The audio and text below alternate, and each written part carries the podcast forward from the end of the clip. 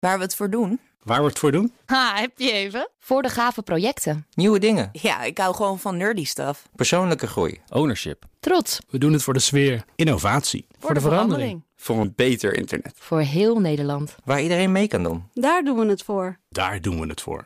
Waar doe jij het voor? Kom werken voor KPN en groei op jouw manier. Check de actuele vacatures op het gebied van data, security, development en networking op jobs.kpn.com/tech. Wetenschap vandaag. We zijn eh, in de, ja, eigenlijk de pop-up studio van eh, Wetenschap Vandaag, de wetenschapsrubriek van BNR Nieuwsradio. We zijn te gast op het Bedweter Festival van de Universiteit Utrecht. En eh, naast mij staat Tom Vrijns, onderzoeker. En Tom, ik heb al, al begrepen dat dat geschreeuw op de achtergrond de hele tijd... Iedereen moet het gehoord hebben. Dat heeft iets te maken met jouw experiment. Dat zijn wij, ja. Ja, gaan we het straks uitgebreid over Ja. hebben. Laten we even beginnen bij waar je allemaal onderzoek naar doet. Welk, welk onderwerp bekijk je in jouw werk? Nou ja, ik ben heel erg geïnteresseerd in dat, in dat gejuich wat je net hoorde. Ja. Maar dat komt omdat ik wil weten of mensen beter kunnen samenwerken als ze synchroniseren samen. Aha, Dus ik ben geïnteresseerd in non-verbale synchronisatie. Hoe wij in, onze, in ons lichaam en ons gedrag met elkaar synchroniseren. Wat dat doet met hoe wij samenwerken. en is het dan zo dat je, dat, dat synchroniseren gebeurt voordat dat samenwerken moet gebeuren? Dat, dat je daar naar kijkt? Kan het ook tegelijk zijn, bijvoorbeeld? Het, het gebeurt spontaan. Als wij samen moeten werken, dan gaan we synchroniseren. En Iedereen doet dat. Iedereen doet dat, ja. Ja. We kunnen als, wij mensen kunnen heel goed samenwerken. En een deel van de reden daarvoor, denk ik, en denken veel wetenschappers met mij, is dat we goed zijn in synchroniseren. En waar moet ik dan aan denken? Want ik zie meteen een soort eh, kunstzwemmen vormen en zo. Eh, wat, wat voor soort synchronisatie? Nou ja, precies dat. We laten in het onderzoek wat we nu doen bijvoorbeeld mensen gewoon samen synchroon bewegen. Nou, dat is synchroon zwemmen, maar dan een bedroog. Dus mensen doen een weefbeweging, doen een roeibeweging en doen dat allemaal tegelijk, synchroon in de maat, samen die bewegingen. Ja. En dan is dus de vraag, he- helpt dat bij iets wat ze daarna moeten doen? Ja. Heel interessant. Is er al bewijs voor dat er, dat, dat zin heeft op die manier? Ja, er zijn, er zijn studies geweest die vooral kijken van... heeft het effect op hoe aardig mensen elkaar vinden? Oké. Dus dan laat je mensen samen synchroniseren... of je laat mensen in groepen samen marcheren... Of, hè, waarbij heel duidelijk het gedrag gesynchroniseerd is. Zoals het leger eigenlijk eh, altijd. Precies. En dan gaan ze elkaar aardiger vinden. In groepen he- voelen ze een hechtere band met elkaar. Eén op één ga je elkaar gewoon leuker vinden als je synchroniseert. En wij willen weten, dat is leuk dat je elkaar aardig... maar ga je dan ook harder voor elkaar werken? En kun je ook beter afstemmen?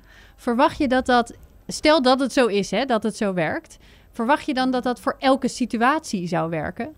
Want, want het is natuurlijk, samenwerken kan op heel veel verschillende manieren. Ja, ja de, de, de, de, de eerste aanwijzingen zijn dat het vooral als we hetzelfde moeten doen, we moeten samen aan een touw trekken, dan werkt het om te synchroniseren. Dan vinden we elkaar leuk, gaan we harder werken. Als we iets ingewikkelds moeten doen, Ja. iets complex, waarbij jij een bal naar mij gooit en ik moet daar iets anders mee doen, maar we moeten dat wel coördineren, dan kan het soms, lijkt erop dat soms tegen ons kan werken als we gesynchroniseerd zijn door hetzelfde te doen. Oké, en zit dat hem dan in de moeilijkheidsgraad van de taak? Of misschien ook in dat er een soort rolverdeling, dus een hiërarchie zit misschien in, in Ja, dat samenwerken? In complexere taken zit wat meer coördinatie Ja. is nodig.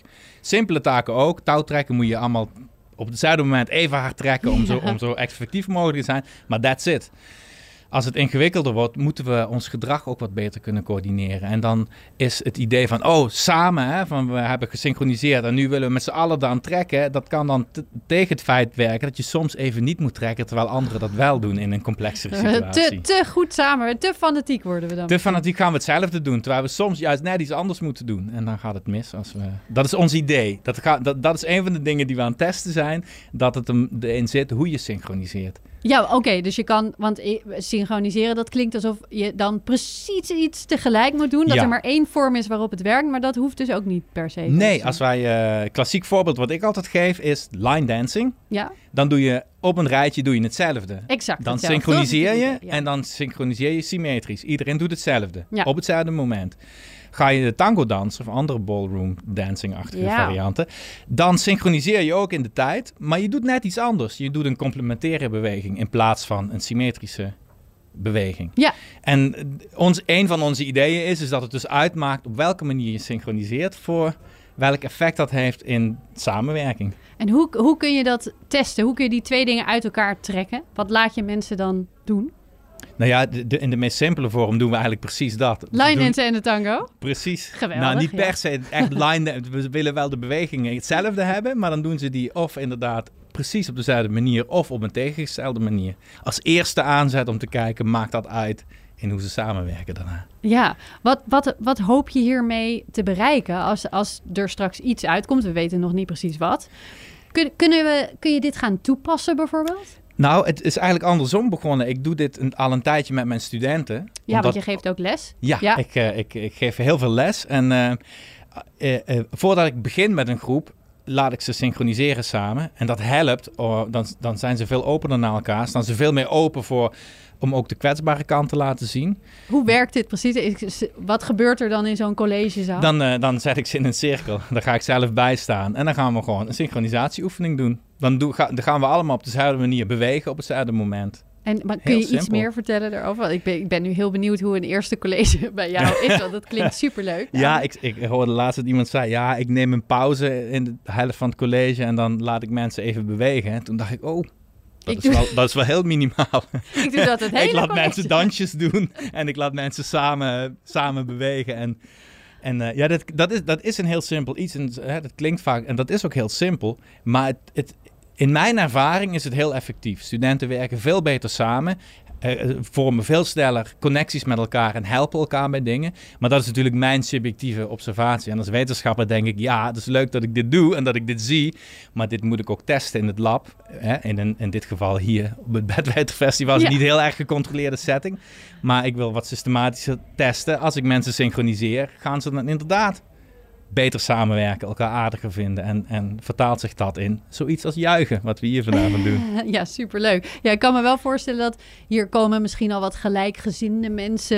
Er wordt af en toe een biertje gedronken. Dat, dat zal allemaal wel effect hebben op de uitkomst van zo'n experiment, kan ik me ook voorstellen. Ja, ja. Durf maar- je te juichen hm? als je wat meer Ja, nou, hebt, wat mij opvalt is dat in- vanaf de allereerste ronde dat mensen ontzettend hard juichen. Terwijl Ik- ik gedacht had, ze hebben aanmoediging nodig en dat vinden mensen toch ongemakkelijk. En, maar ze doen met alles mee en ik, ik vind het fantastisch. Ja, je hoort ze door het hele gebouw heen Ja. zo'n beetje. Dat is echt heel mooi. Kun je iets meer vertellen over hoe het eruit ziet daar? Hoe het experiment precies eh, werkt?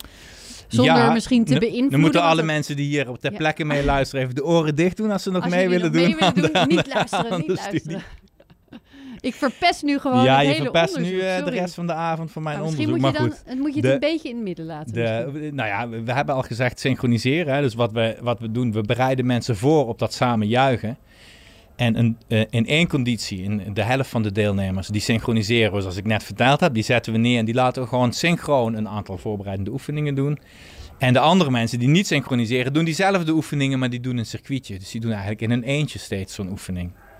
En dat simpele verschil willen we kijken, gaan die mensen dan vervolgens ook harder juichen die, eh, die wij synchroniseren. Heel erg leuk. Er zitten nog wat andere dingen in, maar die ga ik niet nee, vertellen, want dit is dan, dan Ja. is alles. Lijkt me Dan- helemaal goed. Ehm, is er iets wat wij eh, als niet-onderzoekers eh, en niet-studenten van jou eh, mee kunnen nemen naar huis? Kunnen we bijvoorbeeld hier iets in onze sociale kring mee veranderen, bijvoorbeeld?